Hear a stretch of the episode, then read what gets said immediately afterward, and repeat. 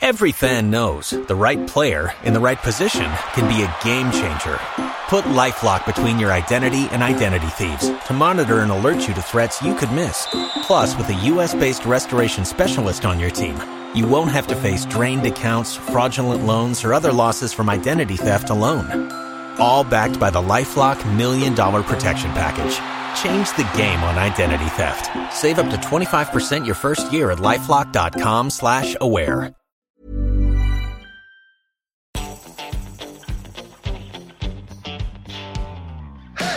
Jegerpodden, en podkast av og for jegere.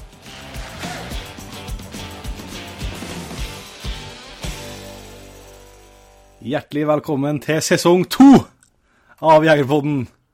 Yes, Det var yes, energi yes. og bra. Ja, ja, ja. Riktig godt nyttår eh, til deg som hører på, og til deg, Jon Inge.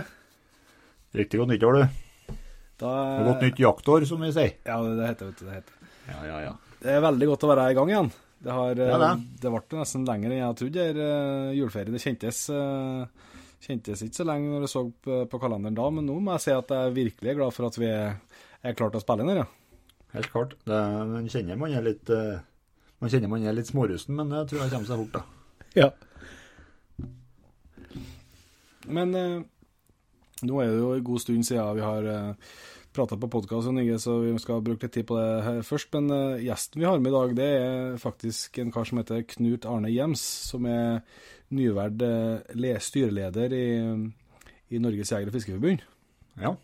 Så vi har grilla han litt om uh, hva, hva de holder på med, og hvorfor ikke hvorfor ikke får jakt i jula. Så det skal dere få høre. Det ble en veldig trivelig og lærerik prat, det. Det blir, noen minutter om ulv òg. Ja, det har vært litt, litt ulv, òg. det er jo sesong for det nå. Men eh, jeg tror vi eh, starter Inge, med å høre litt om eh, hvordan det har gått med, med jakta siden sist. Det har vært en del, del jakting. Ja, det, det var blitt litt i desember. Ja. Når eh, når han endelig ble ferdig med elgjakten, så, så fikk det andre hunder prøve seg litt òg. Så det, det ble det ble da bra. Vi jakta nå den, den helga etter. Da var nå du her hele helga. Vi jakta Vi jakta um, på elg oppe i dalen der jeg bor. Stemmer? Du, du jeg måtte på arbeid om fredagen, men du var og prøvde deg, da? ja. Uten, alene? Ja. Det gikk jo strålende. ja, det gikk jo veldig bra i perioder, helt til jeg ble sabotert av, eh, av, av deg. Keep your friends closer, vet du, men og så videre. Det, det var brutalt, ja. Nei, jeg var ute på den fredagen ja, og slapp eh, først Tinka på morgenen. Og, og hun eh, fant jo elg eh, som hun skjelte litt på i et uttak der, og som, som sprang i vei og, og kryssa Eller de, de lura, tror jeg, rett og slett på, på ei elv som var frosset på.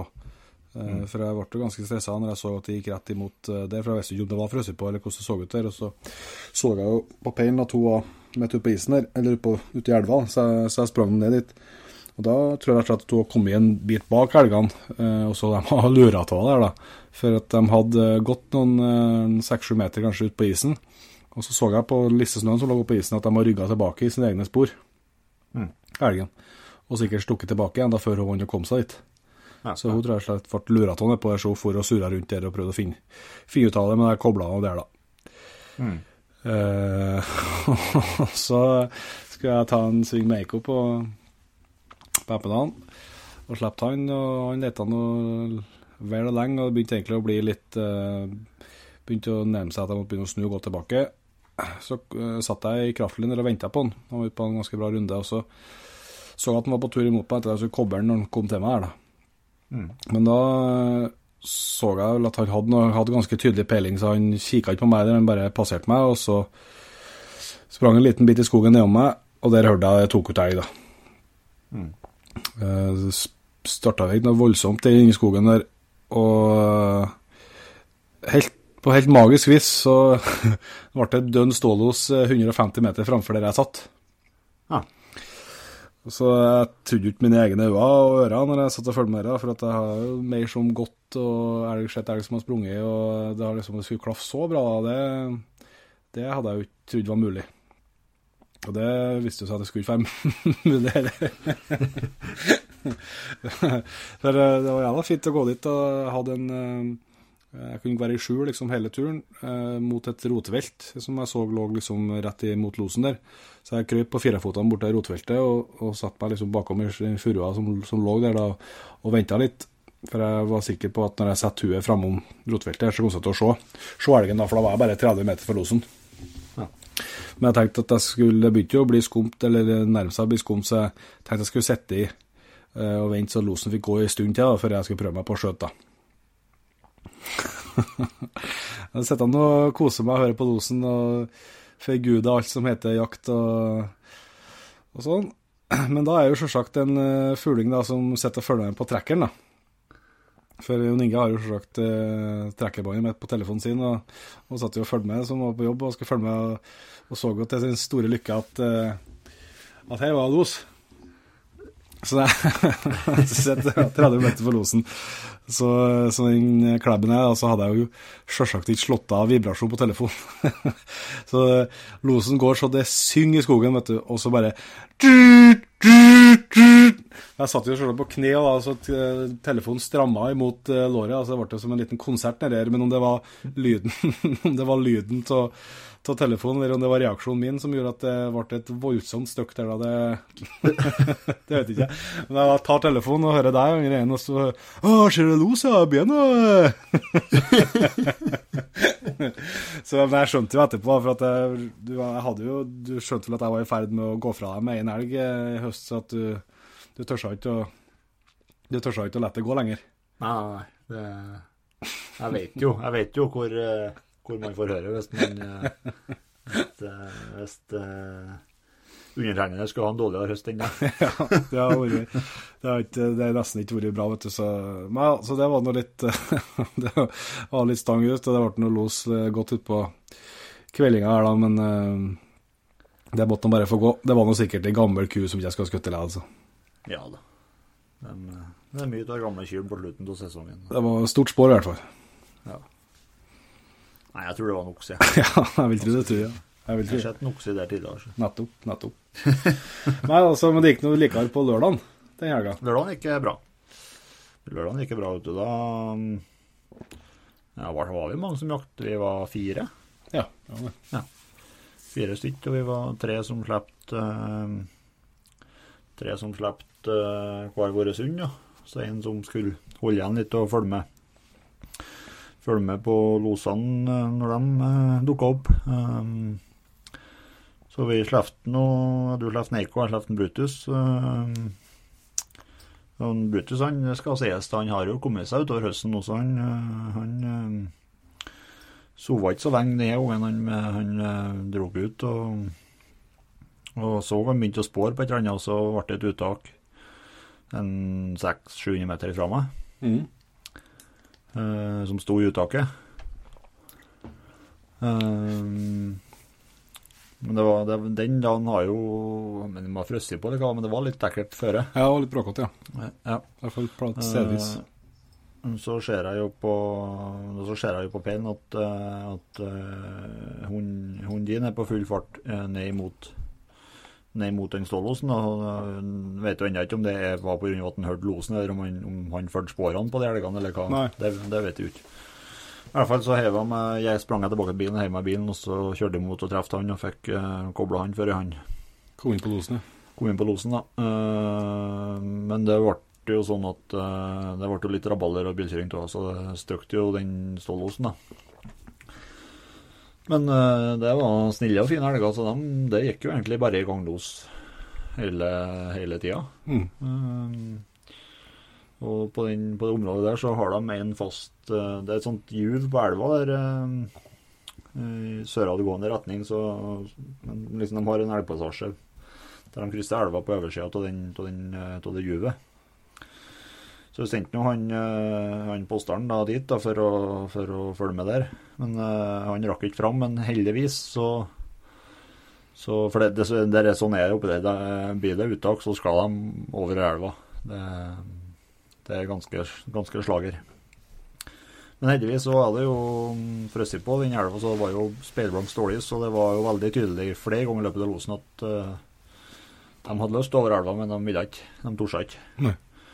Det var jo en to-tre ganger at de uh, var, var nede der, for det var vanskelig los. Uh, ekkelt føre.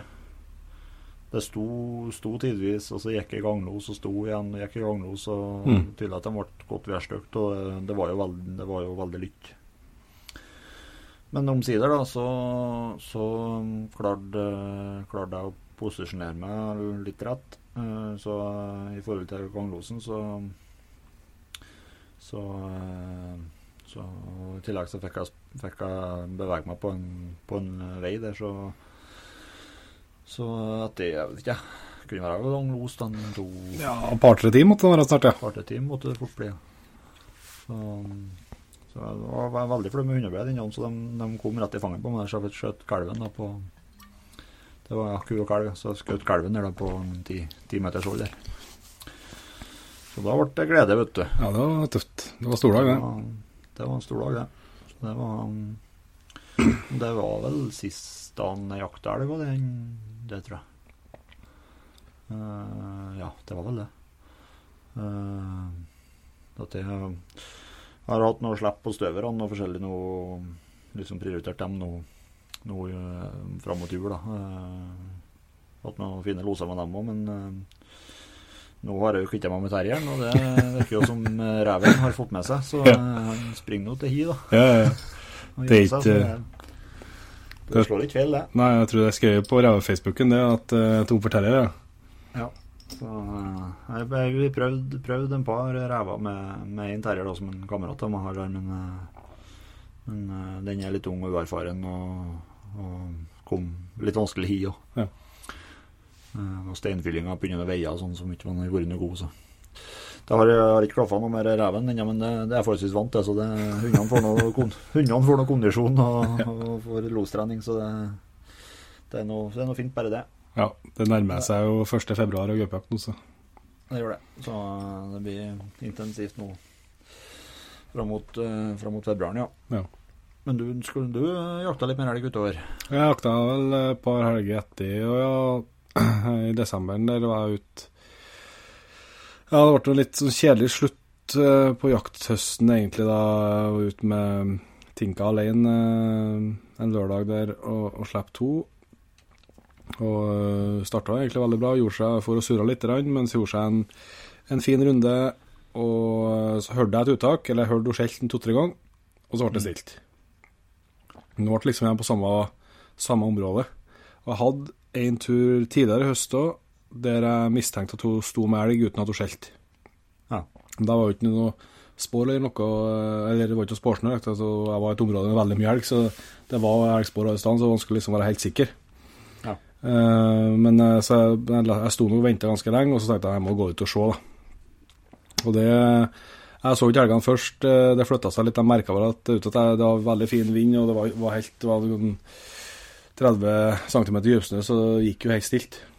Ja. Så, men jeg merka at det kom et eller annet, så de flytta seg litt, og flytta seg en tur til. Men til slutt så kom jeg inn på, så hun sto med ku og kalv, da. Ja. Men uh, helt stille. Ikke noe skjelling. Og Eh, bare gikk, bare gikk i lag med dem? ja, jeg gleder meg. Jeg kunne liksom ikke helt, jeg kunne ikke se på at hun var redd. Hun hadde jo en episode i, helt i første elgjakta der jeg vet at hun ble litt skremt av en fjordokse. Mm. Så jeg har jo litt sånn bekymra for dere, men har jo skjelt litt etter det. Og, eh, men de gangene jeg har hørt henne skjelt, så har de jo rørt seg. da. Altså litt fart på dem. Ja, ja. Um, så litt sånn betenkt på det, da, hva jeg skal finne på. Men jeg har nå prata med en del erfarne hundefolk allerede, og, og skal prate med flere. Så vi får, får noen gode tips og råd, så får vi se om det Det er klart hun er ung, da, bare året, så det kan jo være en helt annen hund når det vi slipper igjen til høsten. Ja, ja. Men uh, selvsagt vært utrolig mye artigere om hun hadde skjelt litt, der, for det jeg fått, hadde jeg fått velt det. Men uh, så om det var rett eller ikke, det kan du sikkert få forskjellige svar på om jeg skulle ha skutt kalven, uh, eller om det var rett av meg å, ikke gjøre det når hun ikke har skjelt. Det, Ja. det skal ikke jeg si hva som var rett og galt, men det føltes ikke rett i hvert fall å, å ta den da når, når hun ikke har skjelt, i, i frykt for at det kunne gi belønning på en, på, på en oppførsel som jeg ikke, ikke ønsker. Nei, det er vanskelig å gjøre, men eh, det, du, du er sikkert ikke førsting som har opplevd det der, så det, det Nei. går helt sikkert å finne, finne noe svar på det. Ja, og det er jo kommet mye fint nå, ser du. Det er jo par både i Norge og Sverige muligheter for å, for å å, å slippe på, på elg i heng, liksom for å kunne være i lag med hund og, og støtte opp og prøve å få i gang dem på det viset. Og Ja, har jeg fått tips om uh, muligheter for å, at jeg kan, uh, enten med stor stormelg eller står med elg, at jeg kan slippe inn på i lag med en annen hund. og Mm. Sånn og hvis det ikke, ikke Men hun skal få noen sjanser til, til, å, til å tenke ut det sjøl før jeg treffer de tiltakene der. Men det er jo langt fram til 21. august nå. Ja, ja. Nei, men det Sånn som det ligger an i, i Trøndelag nå, så går det jo an å trene trene elghunder nå. Det er jo en svart svartvinter med tanke på, på sporsnø og sånt. Det er jo ja, store deler av Trøndelag. Det har sikkert vært her oppe Det ligger noen 20 cm med snø, men eh, den regner nå bort i løpet av hvis eh, langtidsvarselet stemmer. Ja. Så det, det har jo ført til at pga. at det er så lite snø, og jeg vet ikke om det, men jeg mistenker at det er det, så har jo faktisk eh, Elgenklubben i Nord-Trøndelag har jo kjørt på med jaktprøver i januar òg. Mhm.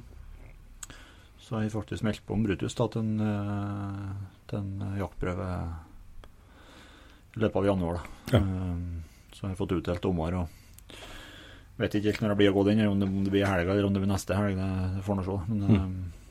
jeg hadde, hadde egentlig ikke tenkt å stille, stille i år, men jeg syns han har prestert såpass bra på slutten. Og jeg slapp den faktisk eh, for lille, lille julaften. nå. Og slapp den bare sette på en peil. Når jeg slapp den ut om morgenen, så fikk han bare springe, springe løs hjemme på gården. Og det gikk ikke lange tida, så han funnet elg og, og sto med den i uttaket i en halvannen time før jeg var inne på stykkene en tur. og flytte seg og nytt gjentak og stykket en tur til. Så han holdt på med den elgen i ja, fem-seks timer, tror jeg. Ja, Tøft. Mens jeg drev og begynte å juletre og vaska og støvsuga. og- Ja, ja, ja. ja, du er huslig, vet du. Du er huslig. Ja, ja. Men du hadde vel en ganske bra jakttur eh, på et rådyr, og her har jeg sett, er- sett bilder av i sosiale medier. Yes. Det, ble, det, var, det var artig. Det var det. Vi var jo en eh, kameratgjeng, da. eh, på seks stykker som, uh, som uh, for ut eh, Vi fikk, var heldige og ble trukket ut. Det fikk ei uke med jakt på Vega. Ja. Det er jo et eh, Det er vel kjent for å være et rådyr eldorado, og det kan jeg nå skrive under på at det er det. Så det, det var noe mengde med rådyr oppe her. Ja. Det var det. Um, så vi Vi eh, hadde kvote på, på ti dyr, da. Um, så er det jo sånn på der at um, du har i utgangspunktet ti kort, men på hvert kortet så kan du skjøte to kje. Ja. Og vi skjøt ganske mye, så um, og, eh, og hun gjorde Jeg var veldig spent på hvordan hun skal her. Fattern har jo en Basset Fov eh, som, som er, er bra på rådyr. Og, men hun er vant til å jage rådyr hjemme her. Ja. Eh, og det her kryr ikke akkurat rådyr. Så det er jo, hun finner jo ett eller to eller tre dyr, og så jager hun på dem. Det er liksom ikke noe problem med. Nei. I forhold til på det, da. Der får de noe tap, så står det jo et rådyr på sida av igjen. Det gikk overraskende bra med henne, så Ja. det gjorde det. Eh, Problemet var at vi hadde egentlig bare hun som var, som var noenlunde bra. da. Så hun ble rimelig utkjørt og sliten på slutten. Men det var jo korte dager òg. Det lysna jo ikke før i nitida, og vi er mørkt igjen i tre tretida, så det ble korte dager, så hun fikk jo hvila, hvila bra, da. Ja. Men det ble en bra, ble en bra haug med, med rådyr. Ja. Det var noe annet enn å jakte hjemme her. Ja. Det, det var det virkelig. Og spesielt terreng. Og de turer jo så besatt, vet du. Ja.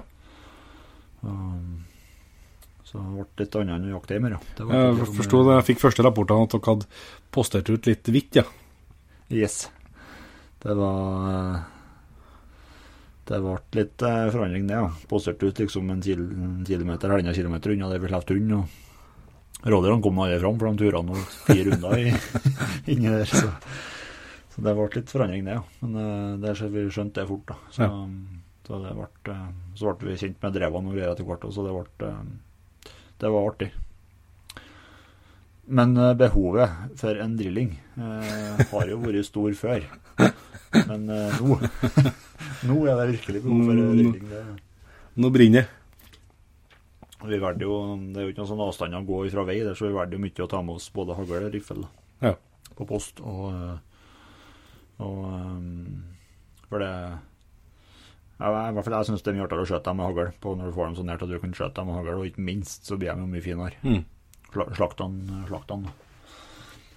Um, og vi mista jo mye rådyr, eh, både jeg og flere, på at, eh, på at vi sitter med hagla på post, og så tror du at når du ser rådyrene, tror de her kommer på hagla, og så gjør de ikke det, og så skal du i siste sekund prøve å bytte våpen, Ja. det får de jo med seg. Så, um, det vi mista rådyr på det, ja. Ja, men eh, en, dri- en god drilling får du nesten kaste etter seg, så det er jo ikke noe Ja, ja, nei, det er jo billig, vet du. Faen, det er. Og man vet jo at det finnes jo mye fine brukte drillinger på, på Finn, men uh, nå har jeg nå bestemt meg for at jeg skal ikke ha det, da. det er jo et merke som heter Blazer, som har en fin en, så Det er jo så å si gratis. Ja, den er gratis, ja. Nei, det er- er jo helt vilt, de prisene. Men, eh, men jeg tenker sånn, det jeg tenker med drilling, det er det at eh, når jakt, elgjakta er ferdig, altså november, slutten på november, og ut eh, mars, altså eh, fire måneder, Mm. så er den børs- børsa du kan bruke hele tida. Mm. Altså man bruker den mer enn man bruker rifla. Mm. Ja, Og et godt poeng. Både rådyr og gaup og jerv og Ja, og fugl og du kan bruke til alt. Ja, så, så det, skal bli en sånn. Ja. Må bare spare penger først. Ja, det er noe med det. Eller selge noe, eller Har jo har jo en ny- har jo en nyre for mye, da, vet du. Ja, ja, ja. Det er jo Ja, selvsagt å gå på, gå på dem. Det kan være greit da, senere kommer vi skal ha kikkert, da. Ja, ja, sånn. Nei, jeg må spørs om jeg må duge den litt. Rann. Så det, du, det, vi kan jo nesten ikke ha en uh, nyårsinnspilling uten å innom nyttårsforsett, men da skjønner jeg at, uh, med at uh, drilling er er ikke det nytteforsettene, da. Ja, det er å spare penger Ja, ja, ja. til, til en drilling. Til en drilling. ja. Så det er ikke noe, det er ikke noe kaloriunderskudd eller uh, lengre foter eller noe sånt som er Nei, jeg tror nå skal begynne å springe etter reven nå i januar og gaupa i februar, og så tror jeg det, tror jeg, det tror jeg ordner seg. Det gjør seg sjøl. Ja. Det høres bra ut. Du, har du noe forsett? Nei, jeg kan ikke si at jeg har så mye forsett. eh, Det er jo Nei, jeg vet Du har ikke. vibrasjon på telefon. Ja, det skal sette, slå, det skal, det skal slå over mai. Blokker, blokker meg. ja, blokker deg. Nei, jeg har ikke så Det som er artig, å jeg håper at uh, noen Jeg tror ikke nødvendigvis lytterne i Jegerpodden på den så fortsetter men det kan at jeg kom på en noe eh, det, vi- Siste episoden så hadde vi jo eh, vi hadde før jul, så hadde vi jo en liten rant på, på hvordan enkelte ordlegger seg, velger å ordlegge seg i sosiale medier. Jegere imellom. Vi hadde litt utblåsing der. Ja, eh, og det var tydelig at eh, det var flere som har bitt seg merke i eh, den problematikken, for vi fikk veldig veldig mye tilbakemeldinger på at det var bra at vi tok opp. Ja. Så jeg håper i hvert fall at noen har det som nyforsett, da. Så skal Men for min egen del så har jeg ikke sånn kule nyttårsforsett annet. Jeg har et sånn på utstyrsfronten noe nytt som ligger, ligger og ulmer, da. Det er mye, ja. Men nå er jeg blitt senere tid har jeg blitt ganske hekta på sånn termisk kikkert. Ja. Det ser jeg at jeg må ha. Ja. Og det eh, Jeg vet ikke helt hva jeg skal ha det til, men eh, jeg skulle gjerne hatt det. Så det Veldig er kult, veldig kult å dra fram på morgensamlinga. Sånn utrolig tøft, vet du. Og jeg ser for meg, jeg etter hvert ser jeg mye bruksområder sånn. Ja, for eksempel du skal, at du skal komme over en topp og liksom ser utover en dal, så liksom bare å bare over og se, ja, der er noe, ja, da går vi dit. så, utrolig. så det er jeg er nysgjerrig på. Altså, det må lukte litt, lukte litt på det. Men uh, ja. å vurdere nyrene, kanskje. da. Det er vel, sånn, det er, det er vel der det ender opp. ja, jeg vet ikke hva jeg Jeg tror kanskje ikke nyrene våre kan sies å være fint brukt, heller. Eh, Ja, kanskje liker enn levra. Men eh, jeg tror vi eh, har vært gjennom litt uh, statusoppdatering her på uh, siden sist, uh, Jon Inge. Så må vi nesten slippe til en eh, Knut Arne hjem, og høre litt hva, hva hans tanker om eh, den nye jobben hans i, i, som styreleder i Norges Jeger og Fiske. ja, det gjør vi. Da har jeg gleden av å ønske Knut Arne Gjems hjertelig velkommen til Jegerpodden. Tusen takk. Det er jo fint at vi kan få med den, eh, rett og slett den nyvalgte lederen i, i Norges Jeger- og fiskeforbund. Ja, det er uh, trivelig å få være med det òg. Veldig bra å ha en uh, kanal som presenterer jakta på en fin måte på, på mange sider. Jo, takk for det. Og må kanskje starte med start med å gratulere deg med, med, med, stillingen du har fått. Jo, takk for det. Det var spennende utfordring. Det jeg har jeg jobba med. Vært, bestemte meg jo for noen år siden, da, for at det var mange ting som jeg satt og, som jeger og fisker og følte at jeg ønsker å gjøre noe med. Men mm. da var det liksom å løfte det fra kjøkkenbordet og prøve å ta tak i det politisk. sånn kunne få endring på ting. Og da, da valgte de å, å, gå inn og prøve å påvirke sjøl med å ta et verv. da. Så, mm. Og nå ble den første lederen i Norges Jeger- og Fiskerforbund for Hedmark på over 100 år siden, så det, det var jo en spennende utfordring å ta tak i det. Men du har, du har jo sittet som uh, fylkesleder i Hedmark uh, ganske lenge òg? Ja da, jeg har sittet i vel en tre perioder der jeg tror det, jeg lurer på om det er ni år. Jeg har vært, vært eh, leder her nå, altså jeg har holdt på noen år, ja. Mm. Da, da kan jo systemene godt? Ja da, en begynner å kjenne folka og, og uh, politikere og alle sammen. Så, uh, og kjenne organisasjonen, så jeg liksom ser ting som jeg ønsker å ta tak i da, for å prøve å gjøre ting bedre. Så jeg gleder meg veldig til å ta fatt nå, da. Mm. Ja. Jeg skal komme litt tilbake til dere, Knut Arne, uh, for det er interessant. tror jeg, Men du kan ikke starte og fortelle litt mer om deg, om deg sjøl? både hvordan litt oppvekst og hvor du er fra, og, og din start på jaktlivet? Det skal gjøre. Jeg er 38 år da, og er småbarnsfar. Har to småtasser hjemme på halvannet og tre og et halvt år. og Um, jakt og fiske det har fulgt meg helt siden jeg begynte å gå. Um, det var jo fiskestanga som var mye til inngangen. Jeg bodde uh, en liten sjø, Gjesåssjøen, som jeg vokste opp med ebber og gjeddefiske. Mm. Og så fra jeg var fire år, da, så ble jeg tatt med ut i sekken på harejakt. Og um, når helga kom på Finnskogen, da, så uh, da var det harejakta som var kulturtilbudet. Så kommer du til å høre en los var på samme måten som en hører på, helt på kino eller opera i byen. Så var det harejakta som var med farmora mi. da, Hun var ivrig harejeger. Ja. Så hun skjøt sin siste hare da hun var 83 år. da. Så eh, det var uh, utrolig givende for min del, kan du si. for få de fine naturopplevelsene. og Det er noe til det som er drivkraften for meg, liksom å ta den, gi den samme muligheten til neste generasjon. Da, at uh, ungene mine også skal få oppleve dette med, med de fine jakt- og fiskeopplevelsene som jeg har hatt, og ta det videre, liksom den kulturarven. Det, er, det har vært noe til inngangen for min del at jeg har engasjert meg, da. Ja. Mm. Um, og på sida av arbeidet som du driver med jeger og fisk, så du har, du har vel en jobb, jobb på sida av òg? Ja da, jeg, har, jeg er utdannet utmarksforvalter. da, og eh, Både utmark og skog, kan du si. Da har jeg følt meg hele tida jobba som lærer på skogskolen på Sønsterud med jaktundervisning og fiske i mange år. Og hatt med ungdom ut og prøvd å rekruttere dem. og eh, Det syns jeg er veldig inspirerende. Ja. Og eh, jeg jobba, jobba breit mye med rekruttering med ungdom. Det er noe som jeg brenner veldig for. da, og prøve å få dem engasjert. Mm. Um, hvordan er det med var det, Når du, når du liksom vokste opp, uh, var det liksom han bare kun harejakt gikk, i, eller ble det litt mer, uh, litt mer allsidig når du ble, ble litt gamlere? Ja, nei, Det starter jo med harejakt, og det er jo en veldig fin jaktform å begynne med. For den trenger ikke å være så rolig. da, så det jeg har jo sett når jeg har fått unger selv, at det, det å harejakt er veldig fin rekrutteringsjakt. Men så eh, hadde jeg noen foreldre og besteforeldre som var jo ivrige jegere. så det ble jo skogsfugljakt og det ble elgjakt. og Det baller på seg. så eh, det, Jeg har jo liksom, syns jo noe til det med jakt og det fine er jo at det er så eh, Gjennom hele året da, så kan du drive med ulike jaktformer, og, og jeg syns variasjon gir meg veldig mye. da.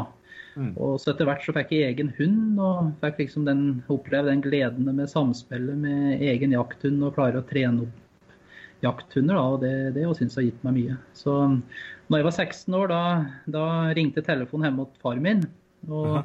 Da var det noen amerikanere som ville komme til Norge på tiurjakt. Og eh, jeg var 16 år og jaktgæren, men jeg hadde jo ikke pratet jo engelsk og, og fikk vi skulle prøve, da. Og, eh, så jeg tok imot altså, amerikanere og guidet dem med finskspetsen da, på, på tiur. Og, og, eh, det gikk jo bra. da, så, så etter hvert så begynte det å komme flere og flere jaktere til, til Norge med å være med meg ut på, på tiurjakta. Så, så det drev på med i, i veldig mange år, da. Ja. Så nei, jeg, jeg, jakter alle slag, kan du si. Og, og både jakta og, og fiske, det, det, har gitt meg utrolig mye gleder, syns jeg, opp gjennom åra. Ja, ja. Du var inne på hundene der, Knut Arne. Du har noen hunder nå, eller? Ja da, jeg har litt forskjellig her. Vi har en, jeg har en drever som heter Oryx. Så han er ivrig på både hare og rådyr og rev og hjort. da. Så, ja. Og så har, jeg, har, vi en finsk spets, Oia. Og så har vi tre gråhunder da, så, eh, som vi bruker på elg og jervejakt og litt bjørn og, og villsvin i Sverige etter jul. Da. Så vi jakter eh, det, det, meste du kan holde på med lovlig i Norge, ja. Hva, hvordan har jakthøsten gått, da? Det er jo, eh, sesongen er jo ikke over, men Nei da. Har det har jo blitt eh, kanskje litt mindre jakt enn det har vært før om åra med små barn og med, med dette ledervervet. Så, men jeg har fått komme ut en god del, jeg. altså, så jeg var, begynte med bukkejakt tidlig i høst. Hadde flott bukkejakt og fikk en, noen fine bukker. Og så var jeg på reinsjakt i, i Folldalen.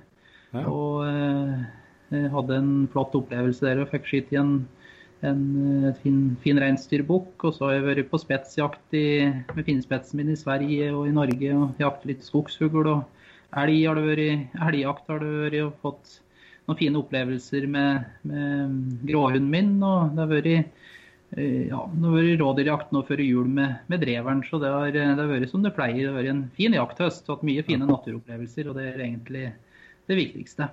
Ja. Ja, det, er, det, er, godt å høre at det er flere som plages, som, ikke som plages, men som sliter med å få nok jaktdager når man har uh, småtinger i hus. Ja da, det er eh, slik, slik det er. Det blir det er ulike epoker i livet som må, ja. må ta med seg det. så og nå begynner de etter hvert å bli litt større, så da kan de ta dem med seg ut. Så det, ja. det, det gleder jeg meg også til, da. Mm. Lurer på om jeg skal prøve å ta med, ta med en fireåring på harejakt. Jeg har hatt med på elgjakt noen turer. og det det er ikke bestandig like enkelt å, ha, å være stille når du skal drive og smyge inn på stålos på elg eh, over, over en, kanskje en, en liten time. Det. Nei, det er helt riktig. Så harejakt er en genial slik eh, opplæringsjakt. Det, ja. Haren den kan komme gang på gang vet du, og grille pølser. og Det sosiale er det viktigste kanskje med den jaktformen der, ja. ja. Det høres bra ut.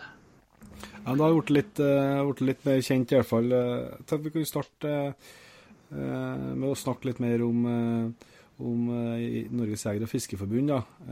Det er jo altså en organisasjon selvsagt, som er kjent for, for, alle som hører på Jegerpodden. Men jeg tror ikke at jeg og, og, mange med meg har liksom det, det, hele og fulle bildet av, av hva, hva, organisasjonen driver med. Det er klart vi, Jeg er også forbinder liksom med, med, et blad som kommer i posten som jeg leser gjennom, altså noen skytterbaner. Liksom. Men jeg vet jo at det, det er mye mer enn det. kan ikke Fortell litt om organisasjonen, Knut Jo, det skal jeg gjøre. Eh, Norges Jeger- og Fiskerforbund er en, er en stor organisasjon og mangehodet. Man sier det slik, det er mange interessefelter. og um, Vi er jo snart 150 år. da, I 2021 da er Norges Jeger- og Fiskerforbund uh, 150 år. Ja. Ble stiftet i uh, 1871, samme året som rådyret kom til Hedmark. Så det begynner å bli noen år. Og vi...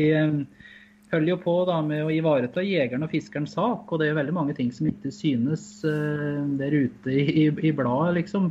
F.eks. det med våpen. Det kommer jo mange uh, å for oss jegere å bruke lyddemper. For eksempel vet vi i Norge at det er bra, viktig for hørselen vår og veldig fint å bruke en lyddemper. Men uh, i, vi får jo krav, internasjonale krav som kan forby det, liksom. Så da er det viktig at vi har noen som kan ivareta jegeren i så måte. Vi har også mye med ved fiskesida, utbygging av vassdrag, med ivareta eh, fiskeartene våre. Så eh, tenker miljøvern. Det er veldig viktig for oss. Vi har mye skyting. Vi arrangerer mange norgesmesterskap i skyting, både med hagle og rifle. Ja. Så vi har eh, storviltprøven er vi jo med å påvirke hvordan, den, eh, hvordan det fungerer. Og jegerprøven, vi utdanner jo veldig mye folk og har masse kurs kompetanse knytta både til hund, bruk av hund og med skyting og eh, forvaltning. Både med jakt- og fiskeforvaltning. Ivareta fiskevassdrag med kultivering og viltsteder for viltet. Vi har folk som jobber politisk inn mot Stortinget hver dag og ivaretar jegeren og fiskerens sak der. Og eh, er eh, Når du kommer litt inn, inn i organisasjonen, så, eh, så, skjønner du det at det er utrolig viktig at vi har en sterk jeger- og fiskerorganisasjon som ivaretar vår sak. Så det er veldig mange saker som det blir jobbet med hver dag, som vi har folk til å sette på, da, som ivaretar våre interesser. Og hadde vi ikke hatt en sterk jeger- og fiskerorganisasjon, så hadde ikke eh, muligheten for oss jegere og fiskere vært så enkel for å drive med utøvelsen. da. Både med jakttid f.eks. Og eh, ja, det er masse ting å, å ta tak i hele tida. Så det er jo noen viktig høringsinstans i mange, i mange saker òg? Ja, det er det. Ja. Så eh, absolutt. Og eh, det syns jeg er veldig viktig. Og at på et vis vi kommer ned på grasrota. Når du sitter som leder i Norges jeger- og fiskeforbund, så, så, er det viktig at en avstand ned til det enkelte medlem blir kortest mulig. At uh, en vanlig medlem skal, og lokalforening skal kunne ta tak i vi skal kunne ta tak i saker sammen med dem. da. Så, mm. og hjelpe dem når det trengs. Det er der vi skal være der. Hva som jeg nevnte nå, så er jo du, du er jo ny, nyvalgt styreleder nå. og Så er det jo, det ansatt en ny en som, som generalsekretær. og Det er nå litt kort tid siden, men jeg regner med du har noen visjoner om hva, hva som, om dere har noen planer framover? Ja, absolutt. Vi har jo nå hatt et landsmøte tilbake, så vi har jo Hvert tredje år så har vi landsmøte i Norges Jeger- og Fiskerforbund. Og, og, da er det en del saker vi skal ta tak i der. Og, og så blir det viktig for oss nå å legge en strategi. For du, du, kan liksom ikke gjøre alt på en gang. Men jeg tror det er veldig viktig å bestemme seg for en kurs. da, Og en viktig ting som jeg brenner veldig for, det er på et vis å eh, få en forståelse i samfunnet vårt for hvorfor vi jakter og fisker. Ja. At um, Vi er veldig heldige, vi som bor i Norge. da, det er jo 6-7-80 av Norges befolkning har tiltro til at vi utøver jakt på en god måte. Mm. Men det å, vi ser jo det med barn og unge i dag, at det er mange som fjerner seg mer og mer fra naturen. og jeg tror det er veldig viktig for oss å sette inn innsats og komme inn på barnehager og på barneskoler og slike ting og fortelle om hvorfor vi jakter. Og, og eh, her i høst så hadde jeg med meg ungdomsskoleklasse i, nede i Solør og tok dem med ut. og Vi flådde og parterte en elg, og vi lagde til mat og elgen i, i wokpanne på bålet. Og de fikk smake av det der. Og det um, gjorde nok inntrykk på mange av ungdommene. Var som tente lys. Og jeg tror at det er vi som er jegerambassadører, har en veldig stor uh, oppgave der. da, Å bringe den kulturarven vår videre og forståelsen i samfunnet for vi, hvorfor vi jakter og fisker. Så noe av de tankene jeg har framover, er å prøve å komme ut mer på, i barnehager og på skoler og, og, gjøre en skikkelig jobb mot skoleverket. Så, for dette blir veldig viktig for framtida for at vi skal kunne få holde på med dette som vi er så glad i. Mm. I'm Nick Friedman. I'm Lee Alec Murray. And I'm Leah President. And this is Crunchyroll Presents The Anime Effect. We are a new show breaking down the anime news, views, and shows you care about each and every week. I can't think of a better studio to yeah. bring something like this to life. And yeah, I agree. We're covering all the classics. If I don't know a lot about Godzilla, which I do, but I'm trying to pretend that I don't right Hold now. it in, hold on.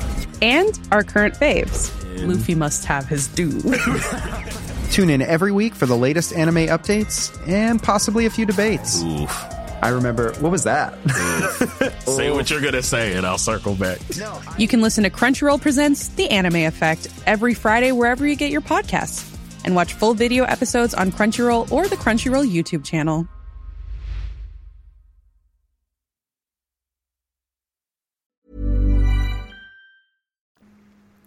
Det, det høres ut som vi er trygge hender. Ja, det ja, jeg skal gjøre mitt beste i hvert fall. Men uh, uh, vi kan gå over litt på fortsatt egentlig litt i, i samme tematikken, men det er jo et, et hett tema vært lenge, skal jeg si, og, og spesielt nå så drar det seg mot en, en større demonstrasjon i, i Oslo eh, neste, i neste uke som Jeger og Fisk er en av eh, Eller er dere som, som er, er arrangør, og som har med seg mange mediearrangører på? Ja, det stemmer det. Det er jo eh, Vi kjenner jo til rovdyrsaken og, ulvesaken spesielt. Da. Det har jo vært i vært heit temperatur i, i, mange år i, den, i, distriktet her. Og, og um, det er på et vis deilige fronter på, på, begge sider. Og det som vi syns er veldig viktig, da, det er på et vis at vi jegere vi samarbeider jo med forvaltningen og melder fra om spår og registrerer familiegrupper og slike ting. Som, mm. Og når vi har nådd et bestandsmål, f.eks. Eh, det setter et nivå på hvor mange ulv vi skal ha i Norge, når det bestandsmålet er nådd, så skal vi jakte og regulere bestanden ned til det nivået som Stortinget har bestemt.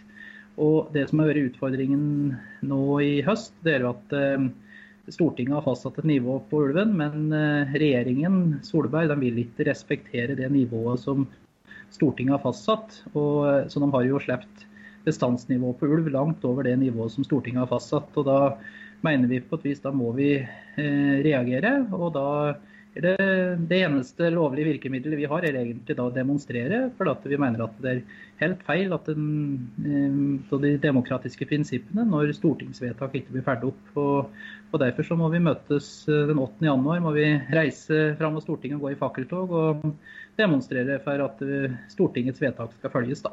Mm.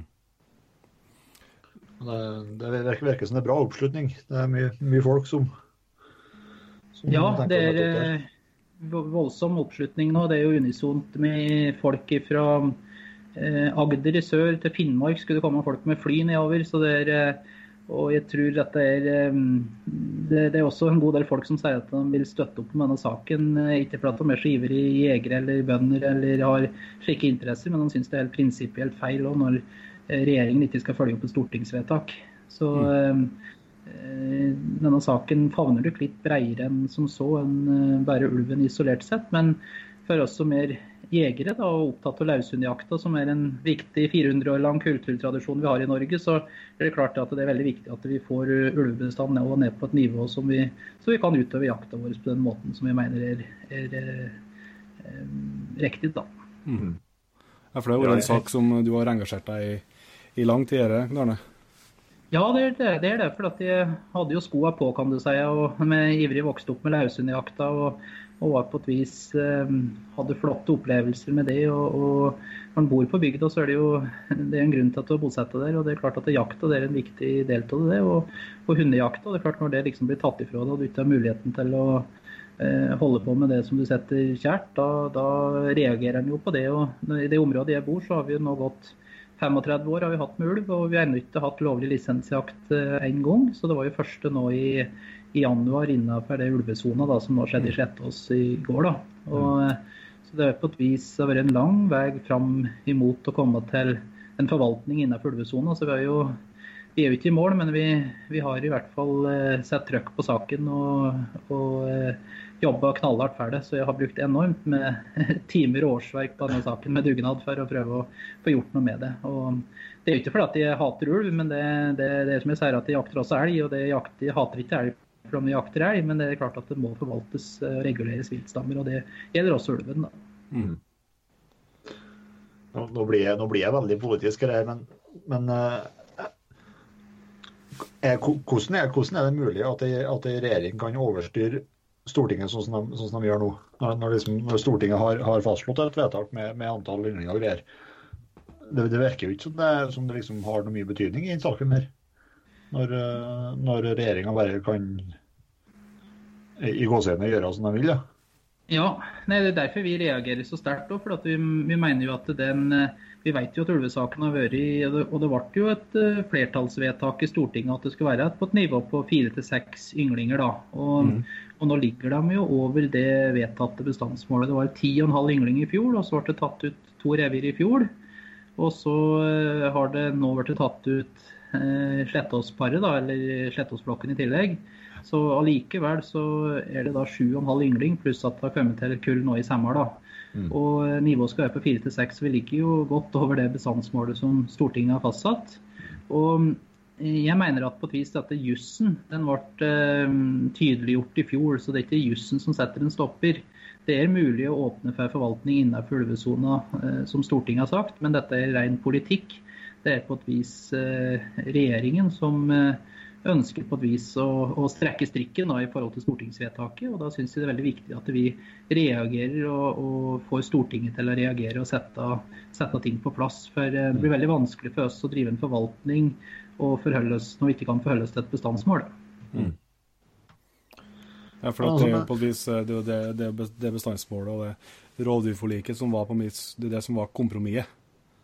Det var det. og kompromiss på et vis Det er mange som er uenig i det kompromisset ja, men på et vis hvis kompromisset blir fulgt, da, først har folk en tillit til systemet. Og det mm. syns jeg er utrolig viktig at folk har tillit til systemet. Vi skal registrere spår og, og bidra, vi jegere. Men da, når bestandsmålet er overskredet, da skal bestanden reguleres. Er det som er gulrota i enden, at da skal forvaltningen eh, tre i kraft, og det skal jaktes ned på bestandsmålet. Og Når det ikke skjer, da da mister jo folk litt eh, respekt for systemet, og derfor må vi demonstrere, for det er slik det skal være.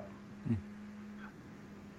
Så, så, så, så, på andre rovdyr så, eh, så Nå trør man jo på dårlig is, men så, fungerer det jo på et vis. for at eh, Sånn som i regionene når det blir tildelt kvote på gaupe og, og jerv og greier, så, så i hvert fall i distriktene her, så, når det, så er det jo sånn når det, når det liksom er dokumentert eh, flere familieynglinger enn hva som er, hva som er, er målet, så, så øker jo kvotene. Det, sånn, er, sånn er liksom på, på bjørn og jerv òg,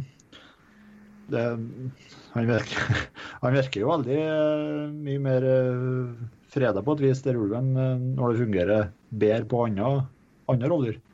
Ja da, det er jo slik systemet skal fungere som du skisserer der. Men det, med ulven så er det så sterke følelser, og det har blitt på et vis en veldig mye politikk rundt dyret. Så jeg syns det er veldig viktig egentlig at vi får en forvaltning nå. Så jeg tror at vi, debatten ville roa seg mye om bestandsmålet hadde blitt fullt. Da kan du si. Da tror jeg på et vis da hadde mm, temperaturen gått en god del ned. Men det er klart at når det blir eh, nye omkamper gang på gang, da, da blir temperaturen bare verre og verre. Og det er klart det er mange som har store utfordringer med, med ulven i sine områder. Og det er klart at det eh, Jeg skjønner at folk er frustrerte og oppgitt i, i saken. og mm. Jeg tror det kommer veldig mange til å møte opp på demonstrasjon nå den 8. januar. Mm. Ja, for det er blitt et voldsomt symbol, eh, ulven, ja. På, eh, på, på, noe, på, noe, som virker som er større enn ulven, på et vis. På, på begge sider av, eh, av, debatten. Absolutt. Det har blitt veldig sterke følelser rundt den ulven. Og jeg, jeg tror at få normalisert det på et vis og få en forvaltning, det er jo det vi er ute etter, at ting skal gå seg til. Og, men da må regjeringen sjøl eh, følge Stortingets vedtatte bestandsmål. Det er liksom en, eh, en av grunnpilarene, da. Mm. Men er ikke noe, er ikke noe juss som slår inn der? Eh, noen noe lover og forskrifter som, som liksom kan fastsette at regjeringa må eller skal følge ja, det Stortinget har jo gjort et flertallsvedtak på, på, bestandsmålet. og Samtidig så er det en naturmangfoldslov, da, den 18b eh, og 18c i den, som eh, styrer litt med hva som skal til for å åpne for jakt eh, på ulv. Da. Og Det er jo den eh, regjeringen eh, bruker. da, at de sier at i Slettåsreviret der har mm, det vært så konflikt over så mange år, så at den flokken kan tas ut. mens i Mangen og Hobøl-reviret, så mener de at eh, den naturmangfoldsloven ikke er til den ikke er oppfylt. Det, eh, så det er jo det på et vis som blir brukt som eh, politisk argumentasjon. Da. Men når en har sett på Mangen-reviret f.eks., hvordan de har blitt fulgt med GPS også siste året, og, og atferden deres er ikke veldig ulik fra Slettåsflokken, så jeg, jeg, føler egentlig at det her er det snakk om politikk mer enn det er snakk om juss. Mm. Ja, så er det jo en måte på De har jo vært litt, uh, litt nært bebyggelse uh, oppe i Lettås, det forstår jeg. Men uh, det er jo en måte på hvor mye konflikt man kan komme opp i nedover, nedover Hedmark nå. For det er jo ikke, det er ikke særlig mye beitedyr igjen på, på marka. Så er det en måte på hvor mye konfliktnivå det kan, kan nå opp i.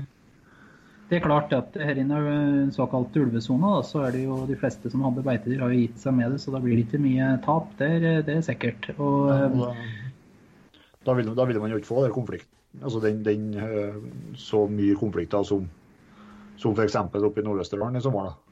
Nei nei, det er sant. Men samtidig så ser vi også eh, Naturmangfoldsloven skal også legge vekt på jakthunder. og Ja. Vi vet jo at det påvirker jakthunder og, og også elg. Skal de, elgbestand skal det også legges vekt på. og De skriver um, regjeringen at det ikke påvirker at ulven ikke påvirker elgbestand. og Det vet vi gjennom uh, Evenstad-forskning bl.a. at de tar jo 120-140 elg i året et ulvepar. De følger Gråfjellparet med GPS-sender et år. så det, vi vet jo at de, en del av den politiske argumentasjonen den holder jo heller ikke mål. Så det er jo viktig at vi vår organisasjon eh, opplyser med faktabasert kunnskap, og at vi på et vis eh, jobber for at demokratiske vedtak i Norge skal følges opp. Da. Eh, Vi har jo hatt med en par gjester her som, som, som virkelig har underskrevet at det er at det, det er ikke noe elg, elg i områdene sine nå som det var, som det var før i tida. Nei da, vi som har skoa på, vi ser jo at det er, det er utfordring med, med elgbestanden og ulv. Og det er klart ulven den må ha mat, så det er jo ikke ulven det er noe feil med, men det er slik er det bare i naturen. Og det er klart de, eh, og det er jo derfor vi jobber med å forvalte ulven, da, når det har gått 35 år eh, i disse områdene her uten noe forvaltning. Så det er på høy tid at vi kommer i gang eh, og får regulert den ned på det nivået som det bør være. da. Ja, Skal men det blir spennende, så spennende å se hvor mange som, som både kan møte opp, og, og hva som blir. Det er vel en spennende Det var jo en bra jaktstart, så jeg, i, i, går. Og øh, det er jo et voldsomt sirkus da, med, med folk fra Sverige som skal dit og ødelegge jakta, og politi og media, og det er jo et øh, Det er ikke helt som å ferde og være to-tre stykker på, på, øh, på revjakt og slippe en hund og være på en los. Det er litt, det er litt mer sirkus rundt det. Ja da, det, det er eh, dessverre det, må jeg si. og det, det er jo på et vis, Vi håper jo at dette skal normalisere seg litt etter hvert. At eh, det skal bli, eh, forvaltningen til ulv skal bli litt mer lik som å jakte rev. for å si det slik, Men det, det er jo nok en bit før vi er der. og det er klart at det gir sterke, viser sterke følelser, denne, denne ulvejakta. og Vi syns jegere har vært utrolig flinke på å opptre på en ryddig og fin måte. For det, det er jo veldig viktig at en ikke lar seg provosere. Ja. For det er jo det aksjonisten nå ønsker, at en, eh, en bevæpnet jeger truet aksjonist er det beste en kan oppnå. og- det, det må vi på en all del unngå. For det er jo, det er jo vi utfører jo et oppdrag, et samfunnsoppdrag som, eh, med å forvalte en rovdyrbestand som Stortinget har fastsatt et nivå som skal være på. Så, så vi må bare oppføre oss, vi jegere. Og, og det føler jeg at jegerstanden i Norge har gjort på en utmerket måte de gangene vi har skjeppet til da, og, og, og fått forvalte ulven. Da. Så må det jo sies at det er jo det er jo en, eh, er jo en eh, prestasjon. og Nå vet jeg ikke hvor mange som var på jakt i, på jakt i går, men eh, det var noen 130 stykker som meldte seg på. Så men det er jo, det er jo litt av en gjeng med jegere som skal samle og få organisert og sette ut på post og, og få det til å klaffe. Og og så går det så bra som det gikk i, i går. Det, det, det er jo bra i disse tider, da, at, at alt går helt etter boka. Absolutt. og Vi i Jeger og Fisk har tatt et ansvar der. og Det var Trysil fellesforening som arrangerte jakta og organiserte det i går. og, og Sjøl har jeg vært rundt i alle revirene før og pratet med jegere. Vi har laga jegeravtaler på hvordan vi skal opptre. og synes folk har vært utrolig disiplinerte, og, og det gir tillit når en hører jaktledere fortelle at hvis du ikke får ordentlig 100 tak på en ulv, så bare slipper vi den og går videre. For det er, det er veldig viktig. og det er klart at det, Jeg syns at de har utvist veldig god jaktmoral. og Det viste også evalueringen etter fjorårets lisensjakt på ulv, at det var veldig både politiet og fylkesmennene de roste jegerstand for måten de utøvde jakta på. Så det, det, det er veldig viktig. for det, Når det blir så sterkt mediefokus som det gjør rundt dette med ulvejakta, så er det, da sitter vi i et glasshus, og da, da er det ekstra viktig at vi viser at vi er eh, tilliten verdig og, og jakter på en human og god måte. og Det syns jeg norsk jegerstand har en veldig god moral, og det kan vi være stolte av. Helt enig. Ja, men det var en bra avrunding av ulve, ulvepraten her, Ungene, så tror jeg vi skal komme innom eh, Det kommer nok noe mer ulveprat etter hvert òg, i senere episoder. Men eh, du var litt inn på eh, Arne i starten her, at du har drevet og guida litt. Eh, Det er interessant å høre litt eh, mer om meg, både på Du har vært både i og du har vært der på jakt i utlandet, forstår jeg? Ja da. Mm. eh, når en jobber som jaktguide, så er det jo mange tenker at en må være en veldig flink jeger, men det er jo egentlig ikke det å, å være en god guide. Det er jo egentlig det å klare å håndtere folk. Og på et vis ja, sette seg inn i situasjonen til den jegeren du har med deg, så at den skal få seg en fin opplevelse. Og, og det, jeg har jo truffet veldig mye folk når jeg driver og guider. Jeg husker jeg hadde jo 11.9, når det skjedde det som skjedde i New York, så hadde jeg en amerikaner med på tiurjakt som ikke fikk kontakt med familien sin og ble veldig satt ut. Og det er klart du, det følelsesmessige forholdet når du går sammen med en jeger i flere dager i skogen. Du kan møte på mye rart vær, og det kan skje ting med dem og slike ting. Så det, det, det er veldig utfordrende. Og samtidig så har det gitt en åpning for min del å få komme og besøke en del jegere i andre land. Da, og, og det syns jeg var utrolig interessant. og eh, Reiser du på en storbytur, liksom, så, så ser du kanskje mye det samme, men når du kommer hjem til en annen jegerfamilie, så får du sett litt kulturen på innsida. da. Og både jaktkulturen og truffet mennesker og, og sett hvordan ei bygd fungerer i et annet land. og Det, det, det syns jeg har vært veldig, veldig stort. altså Jeg har hatt egentlig veldig mange fine reiser. og Jakta er én ting i utlandet, men jeg syns det å treffe folka og, og, og lære om annen viltforvaltning og annen kultur, det er kanskje eh, vær så, vær så stort, ja. For eh, det var spesielt, og vi drev og, og snakka oss jo opp litt eh, på, på forhånd her. Så spesielt en som jeg bet meg veldig merke i her, det var en eh, jakt i Alaska. Ja, Det tror jeg er Jeg hadde historie jo vi har lyst til å høre. Ja, det skal jeg fortelle om. Det var eh, Jeg har en bestefar, da, han Håkon Jems heter han, og han var eh, på 1960-tallet. Da, da reiste han eh, over til Alaska, og det var veldig spesielt å reise til utlandet på jakt den gangen. Ja. Og han eh, tok og mm, var med en, ble flydd ut da, i, i bushen og var borte en halvannen måned. og var på jakt da, på elg- og bjørnejakt, som var flere turer over til, til Alaska. og og han skøyt bl.a. en veldig stor grizzlybjørn som står på Skogmuseet i Elverum. Ja. Den, den gikk jo på til angrep på den, og så skøyt den eh, på få meter så eh, datt ned ved skotuppa hans. Så det, det var en ganske dramatisk historie. Og, eh, så De som har vært på Skogmuseet, har kanskje sett den står i, i hallen der. Og, og Jeg hørte jo på disse historiene fra farfar når, når jeg var liten da, og satt på, på fanget hans. Og, hadde jo etter hvert fikk jo liksom en drøm, guttedrømmen. Det var å reise tilbake til de områdene han hadde fortalt om, da, og, og eh, oppleve det samme. Ja, ja. Så 50 år, 50 år senere, da, så, så etter han skjøt den store bjørnen, så reiste jeg tilbake til det samme området med samme rifla da, og, og, og skjøt en grizzlybjørn ned. Da. Så det, det var jo en spesiell, spesiell opplevelse. Og, og artig å bo i, bo i villmarka der eh, mange mange timer ifra folk og, og ligge i et telt eh, nesten en måned. Det var, eh, han blir litt bedre kjent med seg sjøl da. Det, er, eh, det, var, det var artig. ja det er ikke det. Ble det større bjørn enn eh, farfar, da? Nei da, det ble ikke det. Så, så, men det var ikke størrelsen som var det viktigste, tror jeg. Det var egentlig naturopplevelsen og, og få se de områdene som han hadde skildret til meg. Da. Og, og det er klart at det, det setter jeg utrolig pris på og hadde noen fantastiske naturopplevelser. Og trodde kanskje det skulle være mer viltrikt borti der. Det var jo de skjøt to elgokser på 1,8 millioner mål, så det var ikke så vilt eh, så mye elg eh, i det området der heller. Men det var jo veldig mye rovdyr. Det var jo mer bjørn å se enn vi så elg, da. Ja, nei, Alaska det var en eh, eh, fantastisk naturopplevelse, og eh, det var, var artig å få, få gjort den, den guttedrømreisa. Så eh, det, det er noen, noen husker resten av livet. Ja. Jeg ble litt eh, nysgjerrig på ei børse.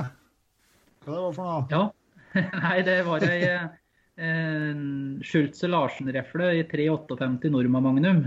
Ja. Det var en farfar fikk ei av de første riflene med det kaliberet um, som ble laga. Og brukte den gangen den skøyten, brukte den ei soft-tip-kule. Det var ei kule som liksom skulle gjøre veldig stor skade med en gang. da.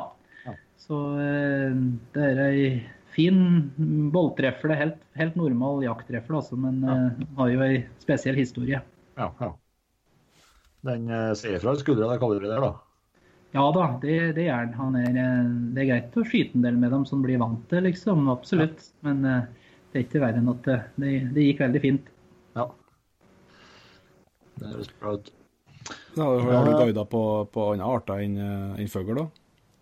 Ja da, jeg har guidet jegere på, på både elgjakt en god del, og, og eh, det har også drevet litt med fiskeguiding og tatt dem ut på gjeddefiske f.eks. om sommeren. Så det har vært og, også en ting som mange syns er spesielt når de kommer til Norge, som vi ofte tenk, ikke tenker på sjøl, det er stillheten.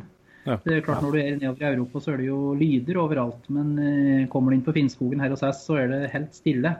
Og det er det mange som syns er utrolig fascinerende. Og mm, vi har jo ikke mye vilt i Norge. Vi er et veldig viltfattig land. Vi lever nesten i en ørken hos oss, men, men samtidig så har vi, har vi noen arter som er ganske spesielle. Liksom Tiuren er jo en av um, de mest attraktive artene til hønsefugl. Det er 24 hønsefuglarter, men tiuren er en av de mest attraktive. Ja. Og eh, det syns mange er spennende å jakte den. da. Så um, vi har mye, veldig mye fin jakt i Norge. Reinsjakta f.eks. Det er jo det eneste villrein vi har i hele Europa. Og, så vi har, vi har mye attraktivt utenfor stuedøra vår. Men eh, vi blir ofte litt blinde av det sjøl. Altså. Så det er greit å komme litt ut. Så da setter en mer pris på det en har hjemme òg. Så vi har, vi har utrolig mye fin jakt, i, eh, jakt- og fiskeopplevelser i Norge. Det er ganske unikt, ja. Jeg ble, jeg ble overraska over, dere sjøl og hadde med en fra Skottland på, som var med på en elgjakt en par dager her med, med løshund. Og, og, og han fikk nå se elg og greier, men det, da han ble mest vill, det var når det letta jerp å sette seg på en kvist ti meter ifra oss. Ja. Da var han helt, eh, da skulle han opp på telefonen og ta bilde, og var, det var stort, ja. Absolutt. Ja, ja. Hazelgrouse eller jerpa var jo nasjonaljakta i Skottland. og så jeg flere skotter har guidet på jerpejakt, faktisk. Ja. Ja, det var en, Uh, sa han fikk nå bare skjøtta hvis han ville, men det, det skulle han ikke. Nei, nei da, det, den er, eh, Jerpa den er, har eh, en spesiell plass den hos veldig mange. Og, og det er ikke alle land de har, har eh, jerpe heller, så, så det er jo en spesiell art bare i Norge.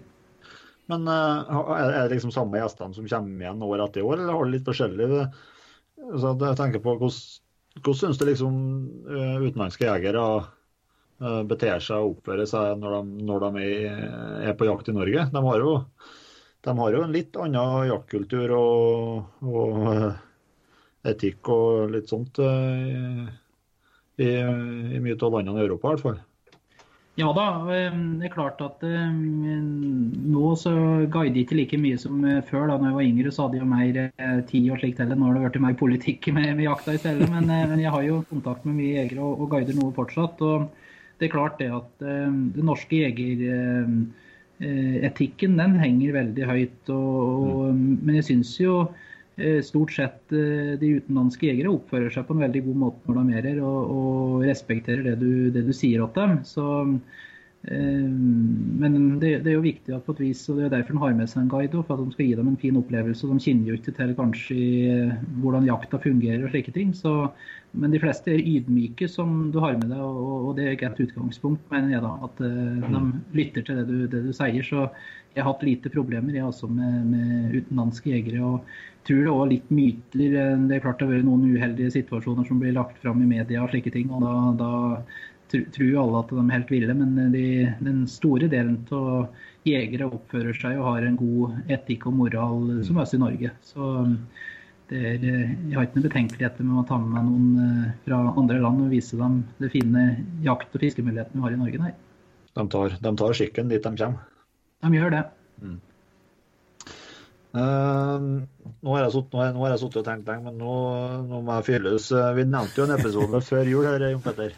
Eh, at vi var litt frustrert, eh, frustrert over, eh, over romjulsfredninga vi har i Norge. Og vi sa vel det da òg, at, at vi skulle ta her, men Knut Arne om ikke han kunne, kunne bli med oss som gjest og, og, og, og forklare oss litt om det der. Ja, fikk, og fikse det, ja. Ja, jeg kan fortelle litt om romjulsfredning. Det, det, det er jo en ganske særnorsk da, med romjulsfredning. Vi, I eh, nesten hele Europa så er Norge vel ett av få land, jeg tror nesten vi er det eneste landet i Europa som har fredning eh, av jakt i romjula. Og det skjedde etter et forslag eh, har jeg blitt fortalt, fra Kristelig Folkeparti på 60-tallet. Da ble eh, romjulsfredninga innført. Og nå sitter de i eh, regjeringsforhandlinger.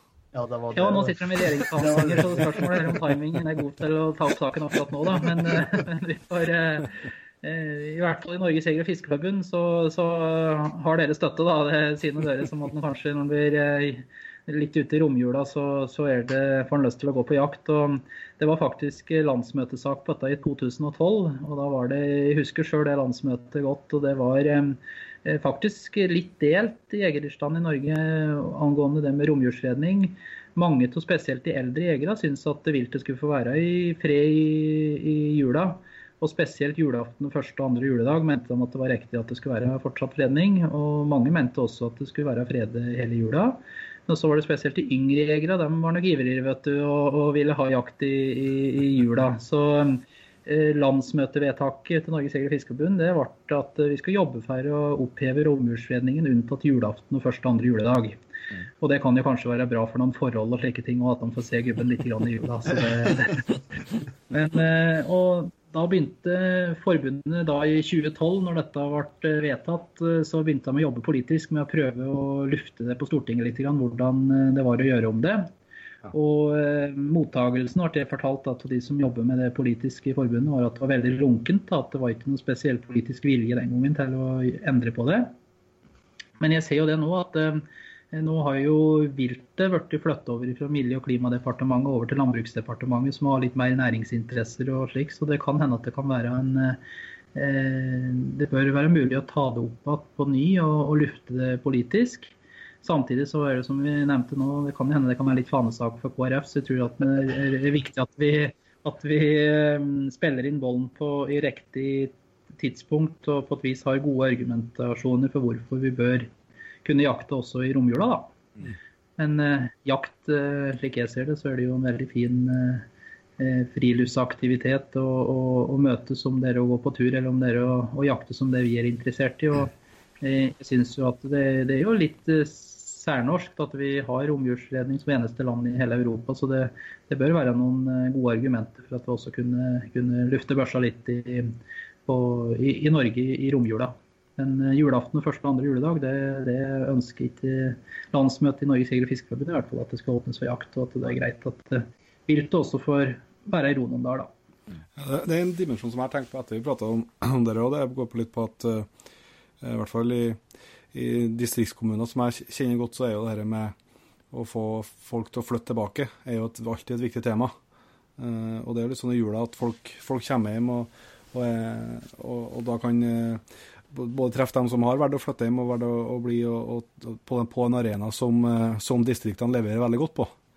Eh, det syns jeg det er kanskje vanskelig å oppsummere det i et sånn politisk eh, formular, men, men det er i hvert fall sånn, en dimensjon som jeg tror er, er viktig. Da, for at, som du var inne på tidligere, Arne, så, så, er jo det for mange av oss som ønsker å, å bosette oss i distriktene, så er jo det en, et av de viktige argumentene. Å ha nærheten til til den livsstilen som, eh, og den, eh, som jakta er for, for, veldig mange av oss. Da. Absolutt. og Faren min, jeg spurte han litt om Han er så vidt gammel så han husker tida før det ble romjulsledning. og Han fortalte det at eh, når han var ung, så husker han det at i, i romjula da møttes de ofte og det revejakt i romjula. og Da, ja. da, da hadde han tradisjon med det å, å møtes med, med, naboer og slike ting og, og jakte rev. da, og Det var en veldig fin eh, tradisjon de hadde på, på den tida, som, som, som, ble borte. Så det er klart at det, den sosiale biten med jakt er også viktig, som, som du skisserer her. Og, og, det er jo mange jegere som kommer hjem til jula og ser at det er ei yndig tid å kunne bruke distriktet når en kanskje er hjemme fra byen og slike ting, og kunne mm. ta seg en tur ut i skogen. Så det er gode argumenter for å åpne for eh, jakt i romjula. Samtidig så tror jeg en skal ha respekt for at det er en del som synes at det er riktig at viltet får ha ro i, i jula når det på et vis er julehøytid. Så det, det, det, er på et vis viktig å legge fram saken på en balansert og god måte, i hvert fall. Så jeg syns, altså, jeg syns du kan opprettholde julefredninga hvis det samtidig blir slutt på romjulssalget. Ja, ja. det er hvis det skal bli et, sånt, et forlik med, med, med KrF f.eks., så kan jeg gå inn for det. Men ellers er jeg knallhard. ja. jeg tenker det, det, må, det, må, jo være likere å treffes og være sosial ute på jakt og røre seg fysisk, enn at man skal sitte rundt et bord og ete feit julemat og, og eventuelt drikke seg full. Ja. Ja, folke, folkehelsa er jo absolutt et uh, Ja, ja. Ja da, jakt og folkehelse det er viktig, det. Og den sosiale biten er eh, absolutt. Så det er, eh, men det er klart det kan hende det er bra for noen parforhold at, den, at det har vært en romjulsledning. Og jeg det hever sjøl at man har vært på mye jakt før jul, så, så setter de litt pris på, på å se en noen dager i, i jula. Så det, det, det er fordeler og ulemper med alt, ja. ja, det er sant. Jeg tror, jeg tror det sitter ei i øvre etasjen her som, eh, som kan finne på å stemme imot det. Finne på å stemme imot det forslaget. ja. Nei, men Det er i hvert fall interessant å vite litt om det, og så får vi se om det, om det skjer, noen, eh, skjer, noen, ting på det framover. Jeg føler i hvert fall at det er en, en, eh, en lov som er, er moden for uh, vurdering. Jeg tenkte at i mitt, men Det var interessant, men det gjorde kanskje det en men i mitt hode hang det litt, uh, hang det litt sammen med på å vise at, at uh, for uh, to, to, eller tre år siden at kirke og, og stat ble, ble, delt på et vis. Mm. Eh, og det jo et, eh, skulle man tro var noe som, som eh, påvirka liksom, stemningen rundt en, rundt en, sånn, en sånn lov. Da. Ja, og nei, jeg tror òg at det, det, kan være mm, absolutt en mulighet å ta opp saken på ny. Og, og uh, Norges Jeger- og Fiskerforbund vi skal jobbe for det og, og, og, se på mulighetene. Så jeg tror det å begynne sonderingen med det, og jeg skal ta det opp med meg i forbundsstyret videre. Så det, det er absolutt bra å få, få, innspill på saker som opptar det jegere. Mm, bra. Du får sette opp på strategiplanen din for, for uh, NIFF framover. Ja, jeg skal ta med innspillet. det er supert. Du kan uh, gå, litt, uh, gå, litt, videre. Vi har fått uh, prata litt både om, om, jeger og fisk og forvaltning, og, og om deg som jeger. og Jeg syns jo at du er en ivrig fisker, forstår jeg. og Knut Arne, i hvert fall det er veldig betryggende å ha en, en mann i din posisjon som både har Eh, jeg er så ivrig jeger og har jakta så mye og mye forskjellig. Eh, det syns jeg i hvert fall jeg setter meg i hvert fall stor pris på. Jo, takk for det. Og, og det kan jo hende jeg har en litt styrke med at jeg, jeg på et vis jeg er jeger og fisker sjøl og, og veit uh, på et vis hvor skoen trykker litt, føler jeg. Jeg kjenner folk på bygda og jeg veit hvordan ting funker. Så mm. på et vis at vi har jo hatt uh, veldig mange dyktige ledere i vår organisasjon. og Ofte er det jo klart at den, i tidligere tider så var det for en del flinke politikere som var, var, i lederposisjoner. og Da hadde jo veldig viktig med relasjoner til politikere, men samtidig så er det også viktig å kjenne grasrota og kjenne saker hvor, eh, hvor, skoen trykker en, som vet eh, at en kan prate om faget kan du si, når du møter, møter folk. For det, det, Politikk og handler veldig mye om det, føler jeg. At eh, dere klarer å fortelle en ting på en enkel måte. F.eks. For, for noen år siden så var det jo blysaken som var oppe, og en veldig eh, stor sak. og da var det jo på et vis Vi jegere trenger jo ikke bruke, bruke bly i børsene våre hvis det for å være miljøsvin, for å si det slik, hvis det er det som noen vil bruke mot oss. Men det er for grunn til at vi mener at det er det beste alternativet for human jakt som, som er der. Og, og, det er klart at hvis det, det blir endringer på det, og, og, så vi må jo hele tida følge på å få kunnskapsbasert forvaltning. Det er jeg veldig opptatt av å forklare politikere på en lettfattelig og god måte hvorfor vi gjør ting som vi gjør. og jeg tror eh, liksom Med jeger og fisk så blir en veldig imponert og ydmyk over egentlig hvor glad folk er i naturen. For det er mange som tror vi jegere og fiskere på et vis vi, liksom, er glad i å drepe dyr og slik. Men det, det jeg opplever, er at de aller fleste er folk som er veldig glad i naturen og veldig glad i mm. dyr. Og eh, jegeren er på et vis viltets beste venn nå. Så det er jo vi mm. som eh, tar oss av dem og forvalter det og fôrer dem om vinteren når vi har hatt lov til det, og, og bryr oss om viltstammene våre. Så. Mm. Jeg er helt enig. Det er et, sånt, det er et uh, bilde som jeg tror uh, I hvert fall som er veldig på, på uh, Jeg har også lest litt uh, Facebook-tråder og sånt under en del innlegg, så det, det, er, sånt, det, det er akkurat det bildet av at det er At man ikke, som ikke har helt tatt noe bilde av hvor hvor stor respekt og interesse og fascinasjon jegerne har for, for dyra de jakter på. Det, det er helt fraværende hos, hos, eh, hos, dem som virkelig ikke, ikke, forstår det. Og det er veldig veldig synd, for at uh, det er ingen som i hvert fall mitt, Hvis det står en elg attmed veien når du passerer, og de som står der som regel lengst og kikker på den, det er jegerne. Som blir mm. mest glad for å se dem og stoppe og følge med dem og, og, og stoppe og ser på et spor og lurer på hvordan det går. og og, og, ja, og er bekymra på ekte når det er vanskelige forhold i skogen osv. osv. Ja, det har du helt, helt rett i. Så den etiske sida, den, den er veldig viktig for oss jegere. Det holder vi veldig, veldig høyt. Så det, og, og det er en kulturtradisjon det også, som, som er veldig viktig for oss. Og ha respekt for viltet og det dyret en jakter på, det, det, det syns jeg er noe som kjennetegner den norske jegerstand. At vi har veldig høy moral, og, og at vi er veldig opptatt av at viltet skal ha det bra. Jeg lurer på om vi skal til å, å, å runde av. Vi har noen faste spørsmål, eh, Arne. Eh, også en eh, fast avslutning med, med jakthistorie, eller to. Men vi kan eh, starte med de første spørsmålene. Det, det ene er hvis du skulle ha valgt bare én jakt eller jaktform eh, fra nå og til ut evigheten, hva du hadde hva du hadde endt opp med da?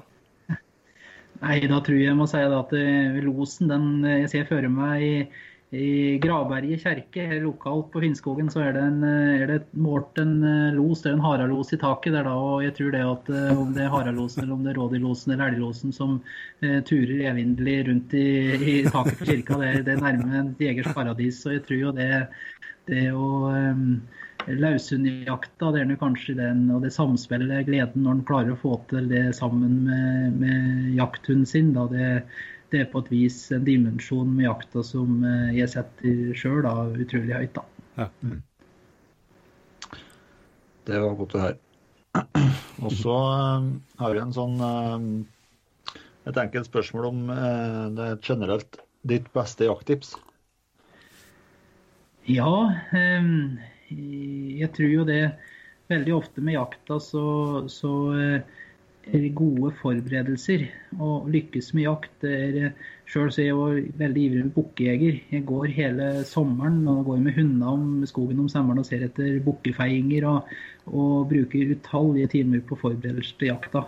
Og det samme sånn med ulvejakta som var i Trysil her om dagen. Det var jegere som hadde drevet på det i flere netter og forberedt seg. Det, det, jakt er ofte enkelt hvis en har gjort gode forberedelser.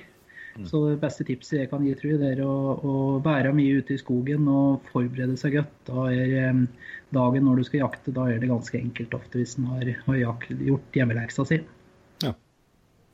Det er bra Jeg er litt fascinert av det. det- Jeg har hatt med oss en tyvetalls gjester nå, men det er, det er sjelden det kommer samme tipsene. Det er jo meget bra. Det er meget Ja, det er bra, det. Eh, Også av det jaktutstyret du har uh, skaffa siste året eller to eller tre, er det noe du har blitt spesielt fornøyd med, som du kan eh, fortelle videre om? Ja, jeg må vel si det etter at uh, hundepeileren kom, da, den nye moderne med Garmin f.eks., Astroen eller Trekkeren, så, så det var den største revolusjonen som har vært i jakta siden det kom kruttdrevne våpen, tror jeg. Ja. Det er klart at det er fantastisk gjennombrudd å kunne Eh, Sjøl så vokste jeg opp med drevere, bl.a. som eh, de sa jo det at lær din hjembygd å kjenne kjøp en drever. Det var hunder som var kjent på stor jaktlyst. Og eh, det er klart jeg var med mange netter og satt og ventet ved bakspåret ved bålet på at hunden skulle komme tilbake igjen. Og det er klart det, eh, det å kunne følge hunden hele tiden til enhver tid hvor hun er hen, og den tryggheten og roen en jeger kan føle i dag. og med å følge dem på GPS og, og mm, lese jakta med, med det, det, det er jo på et vis uh, veldig stort gjennombrudd, føler jeg. Samtidig så må nå den teknologiske utviklingen må nå vi på oss vi jegere og mm, stoppe opp litt og tenke over det etiske sida ved det. Og at det er klart at det, liksom, det er veldig bra å kunne ha disse hjelpemidlene for å eh, hjelpe oss med jakta, og, og at vi kan ha en, en fin jaktopplevelse. Men samtidig så er det viktig at vi setter eh, våre egne etiske sperrer når utstyret For vi blir mer og mer moderne, så det er på et vis eh, litt viktig at vi òg holder på det, på det humane og det etiske ved denne moderne utviklingen. da. Ja, det er et eh, god dimensjon å ta med seg. Eh, og så er vi spent om det kommer noen jakthistorier fra Finnskogen. da. Ja da, jeg kan dra noen jakthistorier. vet du. Det er, eh, jeg hadde en eh, fantastisk jaktopplevelse i fjor høst. Da var det første gangen det var åpne for lisensjakt på jerv eh, i eh, nyere tid her, da. Og eh, jeg hadde en kamerat som jeg var ute og jakte fugl med, og han fortalte at han hadde funnet ei en død elg da, som Nukulven kulven hadde lagt ned. Og, og der hadde han hatt opp et viltkamera som hadde fått bilde av en jerv. da. Dette var jo da etter den, ja, rundt den 10. september. Og da starter jo lisensjakta på jerv, og jeg ble jo nysgjerrig på det, da. Så da sa jeg til kameraten min at jeg hadde hatt lyst til å følge deg opp dit til den elgkua, sa jeg, og, og prøve ja, en ung gråhund da på å se om en kunne Hvis jerven var innom og kunne prøve å få jakta på den. Og vi reiste opp tidlig om morgenen, og, der hadde jerven da vært om natta.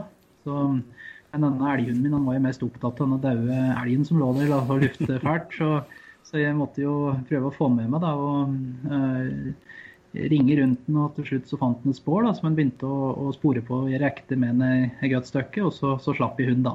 Ja. Og eh, han dro av gårde, og jeg sto der og ventet. Og plutselig langt nedi lia der hørte jeg det ble los. Ja. Og den, Det var jo en fantastisk opplevelse. Og, og spenningen å gå inn på. Jeg visste ikke om det var en elglose der det var. Og, og når jeg kom innpå, så hørte jeg det var et dyr som knurra. Da. Og, og da skjønte jeg at det ikke var noen elg som var i losen. Men, eh, eh, og da fikk jeg se da, at hun danser rundt med jerven. da. Og eh, så flyttet det seg litt. Jeg fikk ikke skyte i første omgang, og da dro det litt av gårde nedover langs ei elv, og plutselig ble det en voldsom los. Ja. Og der kom jeg ned, da, og da fikk jeg se da satt jerven i toppen av ei furu, da, og hun sto under treet. da. Og Ja. det, det var en Ja, fikk felle da en, jerv da for ungen min i los. Så det var liksom en, det samspillet med, med, med han, liksom. Og, og det syns jeg var en veldig flott, flott jaktopplevelse, da. Ja. ja, men det er ikke Det er ikke alle som får oppleve den, eh, den jaktformen. Det, det, er langt mellom, det er langt mellom hundene som, som ser råd for å følge på jerven alle de kilometerne som han tilbakelegger i løpet av i løpet av noen timer. Ja, han blir utrolig imponert når han går og sporer litt etter den. eh, Det er jo et skogsdyr som har kommet, eller har kommet ned til skogen etter, etter ulven og, og maten her. så det har vært i, Hedmark nå så hadde vi 15 ynglinger av jerv i, i, som ble registrert i fjor, og bestandsmålet er på fem. Så det er klart at vi, vi begynner å få ganske store bestander av jerv. Men eh, det er en utfordrende jaktbar art som går veldig mye om natta. så det og, um, så det var jo at det var ny art og slike ting, da, så, så det var jo veldig spennende å da eh, få, den, få den opplevelsen. Så jeg tror jo det at bestanden til jerv begynner å bli så stor at det, det kan bli en del forvaltning til den i, den i åra som kommer. Og det er veldig fascinerende og flott, flott dyr. Så det er um, interessant å lære om, om nye, nye jaktbare arter, da. Har du skutt i flere jerver for, for hund, eller? Nei, det var jo første gangen i fjor at det ble åpnet for lisensjakt her i, i ulvesona som der jeg bor. da, så Det var jo bare Ja. åpnet for tre stykken, så det, jeg fikk felt en av de. da. I år så ble det jo ikke åpnet for noe jakt på, innenfor ulvesona på, på jerv. da, så eh, det var, eh, For det om bestanden var tre ganger over bestandsmålet, så valgte departementet å stoppe jervejakta innenfor sona i år. Ja. Det er datt bra med jerv eh, lenger oppe i Østerdalen. Ja da, det har gjort det. Så det har vært i, felt mye jerv i, i Hedmark allikevel, ja. Det er, det er, det er verdt å nevne. en- Det er Jevntundtis som er på å gjøre et skarpt oppgjør.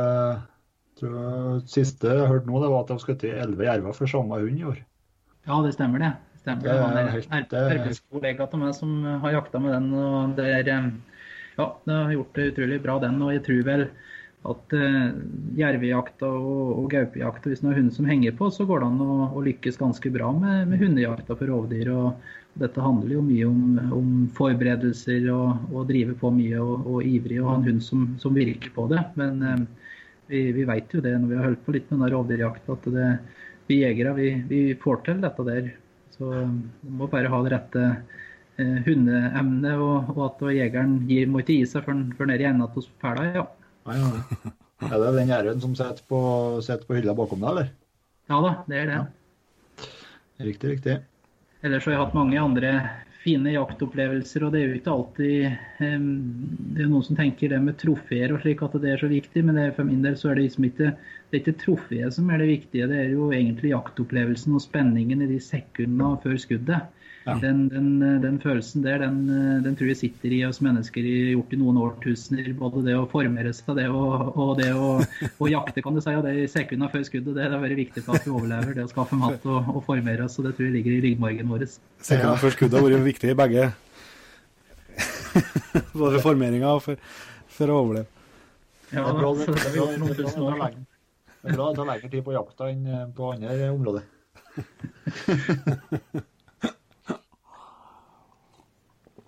Nei, men Nei, eh, Jeg tror eh, vi kan, vi kan runde av der, Størne.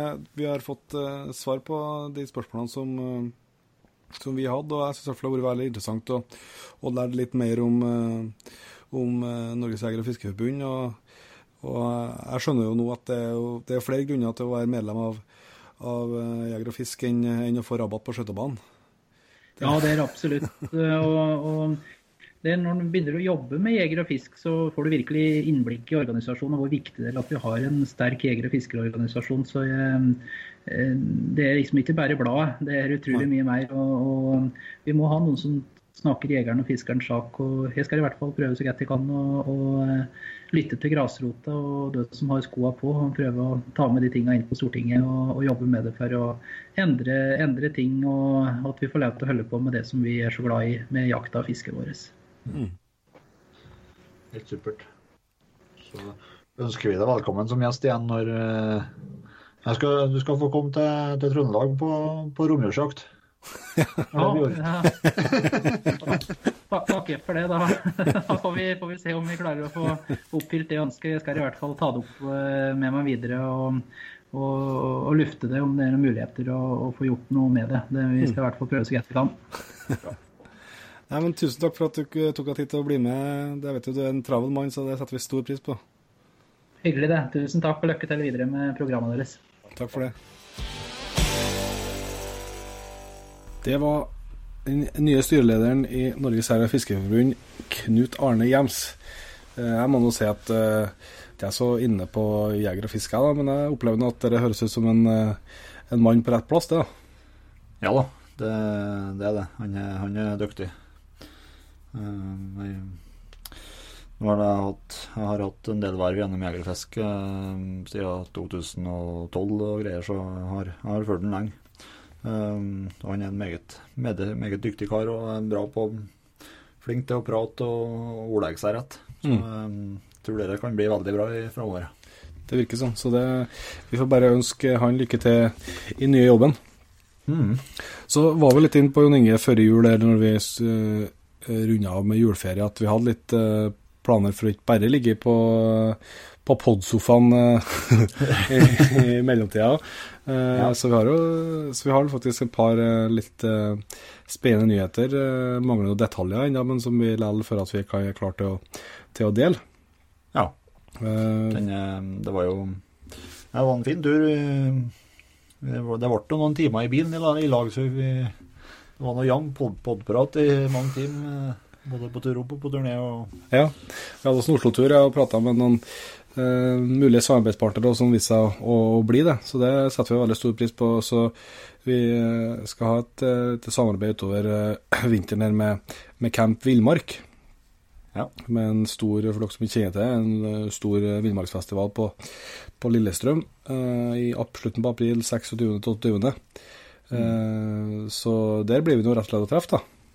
Det blir vi. Så det gleder vi oss veldig til. Håper at, jeg vil jo tro at det er mye av dere som hører på, mange av dere som hører på, som, eh, som også skal ta turen dit. Så da må dere jo komme innom og hilse på oss. Det kommer helt sikkert en god del mer info om, om dette etter hvert når vi har litt mer detaljer. Men det mener jeg si at det er et av de høydepunktene jeg virkelig ser fram imot i, i 2019. Mm, ja, det blir artig. Uh, var, jeg har vært der en gang. Det, det, det er jo virkelig verdig besøk. Altså det, det, er jo ja, jeg vet ikke, På sida av jakt- og fiskedagene på Elverum i august, så er vel, det er nå de to største messene eh, som er å oppdrive innenfor jakt og fiske og friluftsliv eh, ja. i Norge. Og der er jo på vårparten, så det er liksom ikke så mye annet som foregår heller da. Så jeg var der i 2015. Det stemmer. Ja. ja. Uh, jeg, ikke, jeg, husker ikke med detaljer av det, for at det er utviklingslaget. Det var derfor jeg kom på, kom på årstallet. men uh, jeg husker at det var veldig bra. Ja, Du har fått fortelle at det var veldig bra. Ja. Så vi Vi, vi, ja, du, vi, vi, å ha en stand der. Mm. Forhåpentligvis så får vi skrapa til så at vi kan selge noe, noe noe merch. Yes, vi får satse på det. Mm.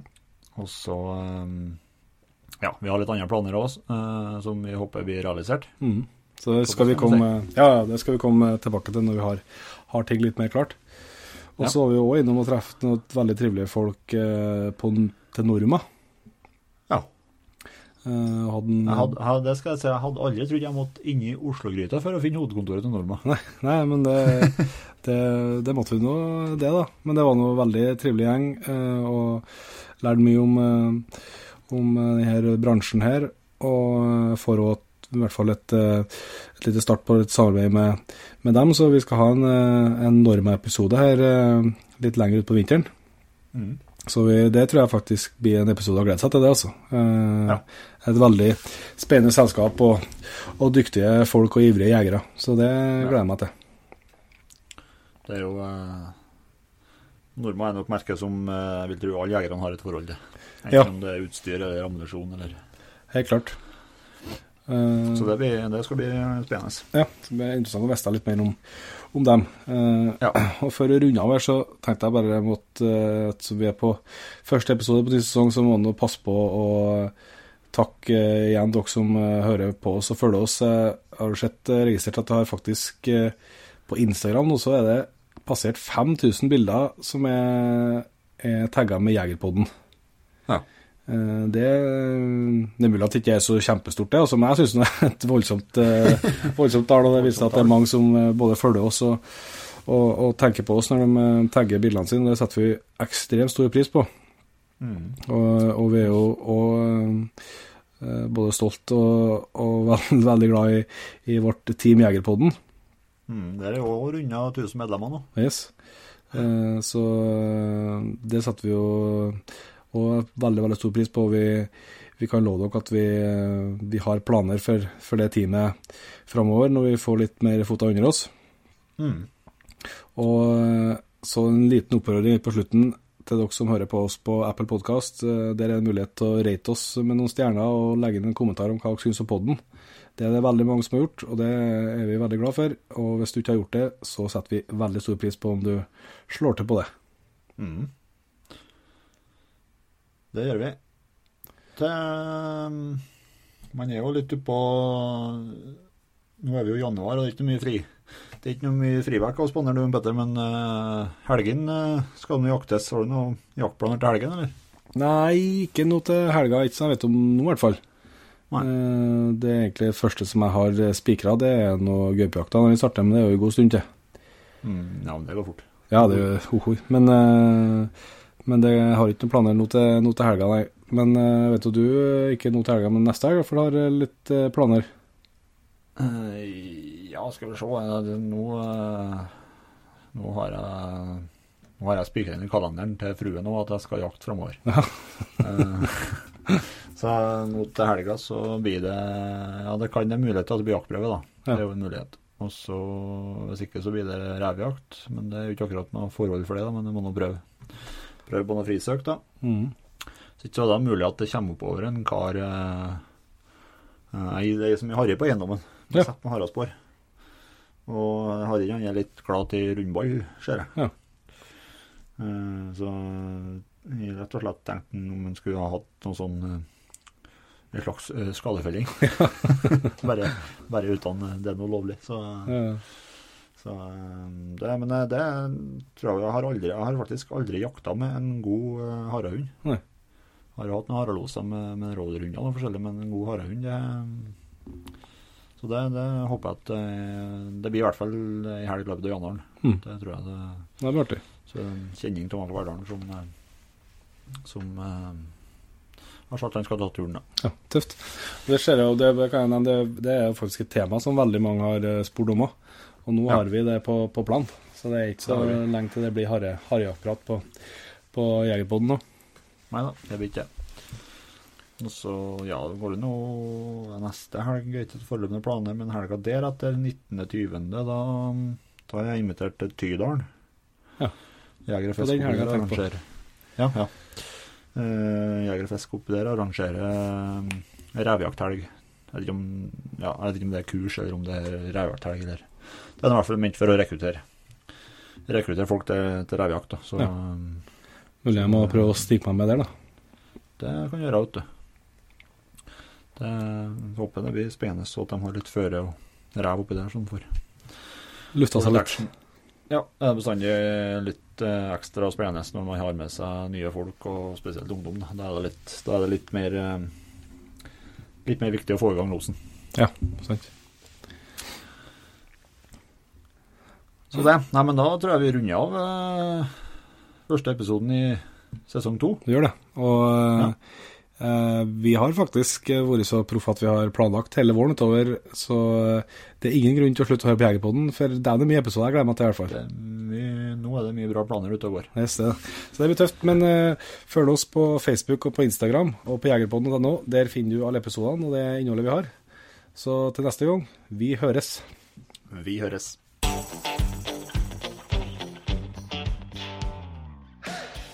Tusen hjertelig takk for at du valgte å bruke litt av tida di på Jegerpodden. Sjekk ut jegerpodden.no eller din din favorittpodkastspiller for enda mer innhold og flere episoder. Følg også Jegerpodden på Facebook og Instagram, og ikke minst, husk å fortelle alle gode venner, familie og tilfeldige forbipasserende om Jegerpodden, sånn at vi får spredd glade budskap videre. Vi høres.